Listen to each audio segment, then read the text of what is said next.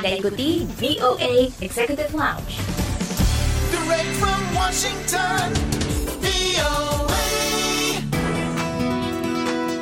Welcome to VOA Executive Lounge. Dari Washington DC, Irfan Isan kembali menemani Anda dalam VOA Executive Lounge. Dalam VOA Executive Lounge kali ini ada obrolan menarik dengan seorang profesional virtual effect designer dan CG artist seputar penggunaan digital visual effect yang semakin diandalkan di era pandemi ini. Sekaligus ada tips-tips menarik pastinya, seperti misalnya untuk bisa menembus pasar internasional. Selain itu juga seperti biasa, sebagai penutup akan ada informasi dari dunia hiburan. Jadi tetap bersama kami di VOA Executive Lounge. VOA.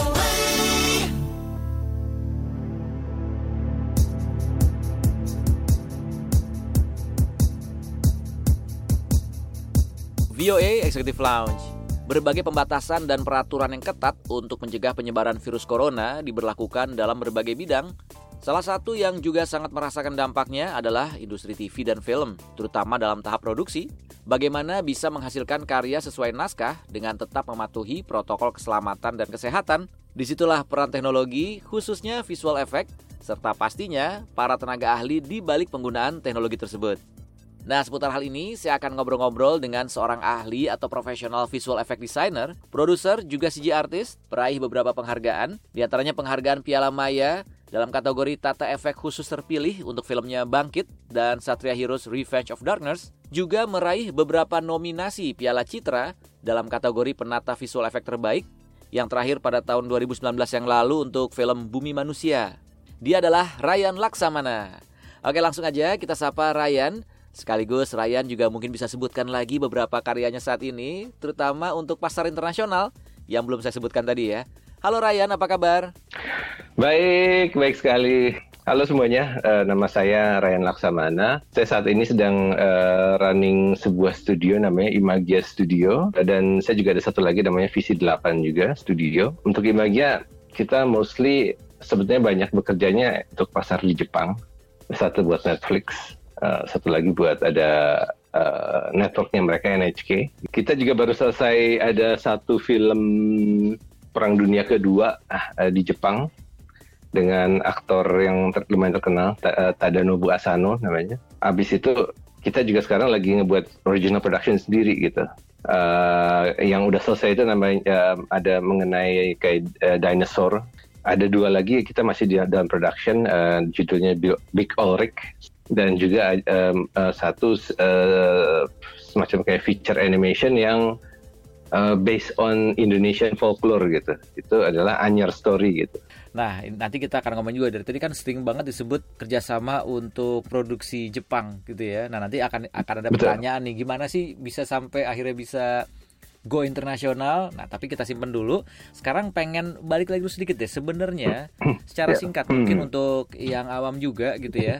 Apa saja sih Ya. sebenarnya peran dari seorang profesional visual effect atau uh, CG artist gitu dalam sebuah proyek visual? Oke. So intinya mungkin kalau efek visual itu adalah uh, kita membantu filmmaker gitu kan untuk mewujudkan visinya, Mhm. mem- membantu storytellingnya gitu dengan menambahkan elemen visual secara digital, di mana mungkin elemen visual itu mungkin pada saat syuting itu tidak mungkin dilakukan atau mungkin karena ada keterbatasan tertentu gitu. Misalnya kayak kita nggak mungkin misalnya ngebangun set sebuah kota atau dunia fantastik kan gitu. Itu semuanya pasti Hmm. kan dibuat secara digital.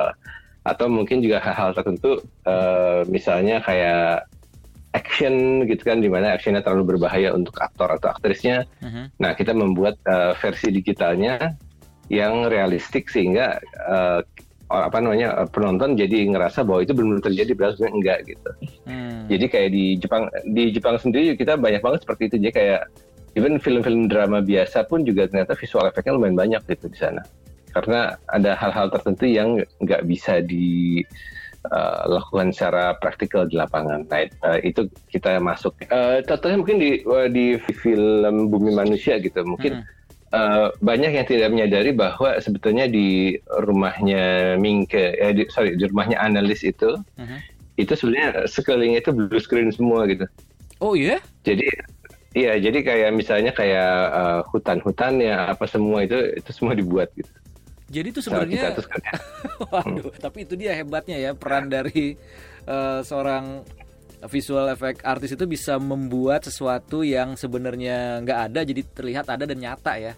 Iya betul. Justru justru eh, untuk untuk beberapa jenis film, jadi kalau visual effect itu eh, the highest compliment buat kita adalah ketika klien atau mungkin juga para penonton itu juga tidak menyadari bahwa elemen di belakang sebenarnya itu digital buatan semua gitu. Hmm. Makanya banyak yang eh, apa namanya? eh, saya saya nggak posting kok ada ada visual effect breakdown bumi manusia itu ada di YouTube bisa di search. Wah, oke. Nah, di situ. Penasaran langsung nih. Di situ Ah, nah di situ bisa bisa dilihat tuh se, ekstensif apa gitu maksudnya pembuatannya gitu.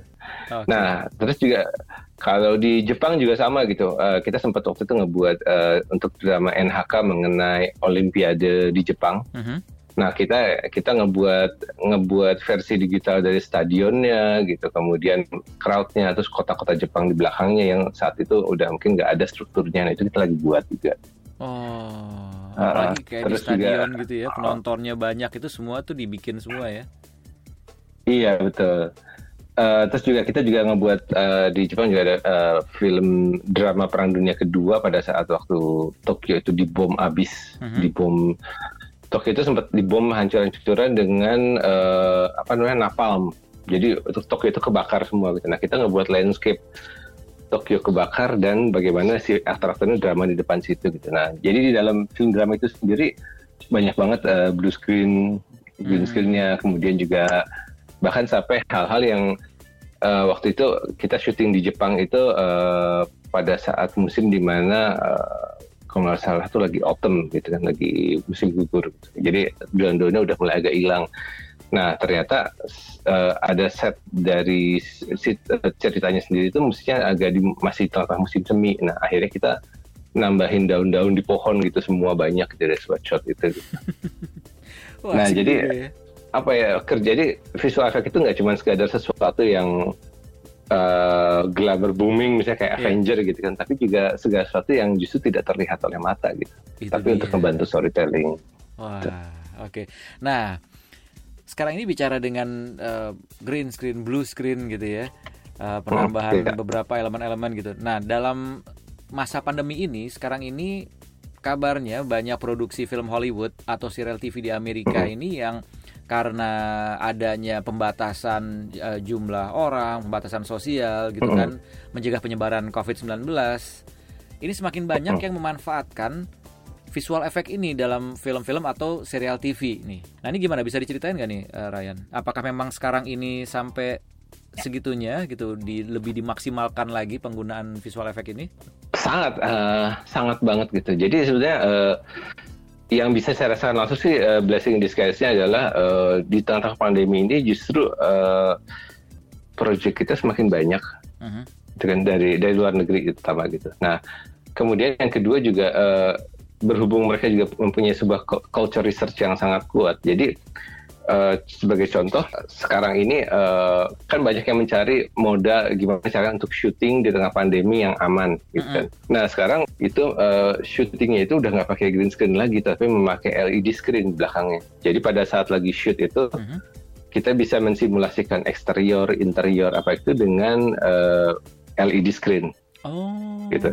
Dan itu real time. Itu mungkin bisa bisa di search di internet. Itu ada namanya eh, Mandalorian Shooting Technology coba.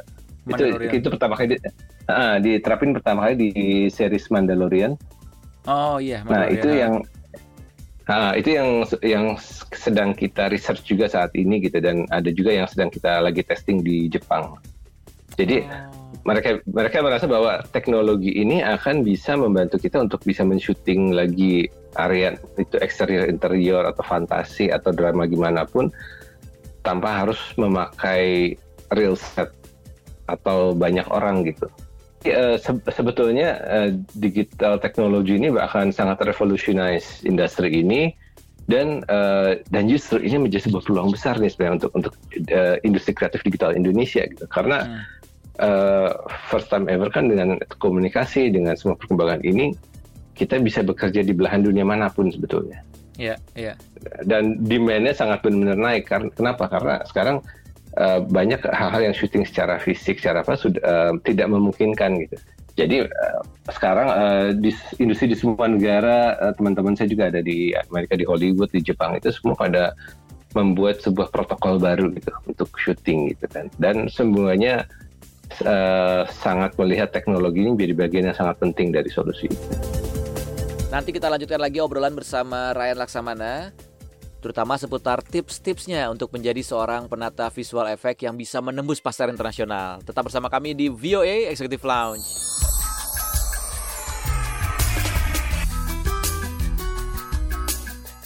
The voice of a man.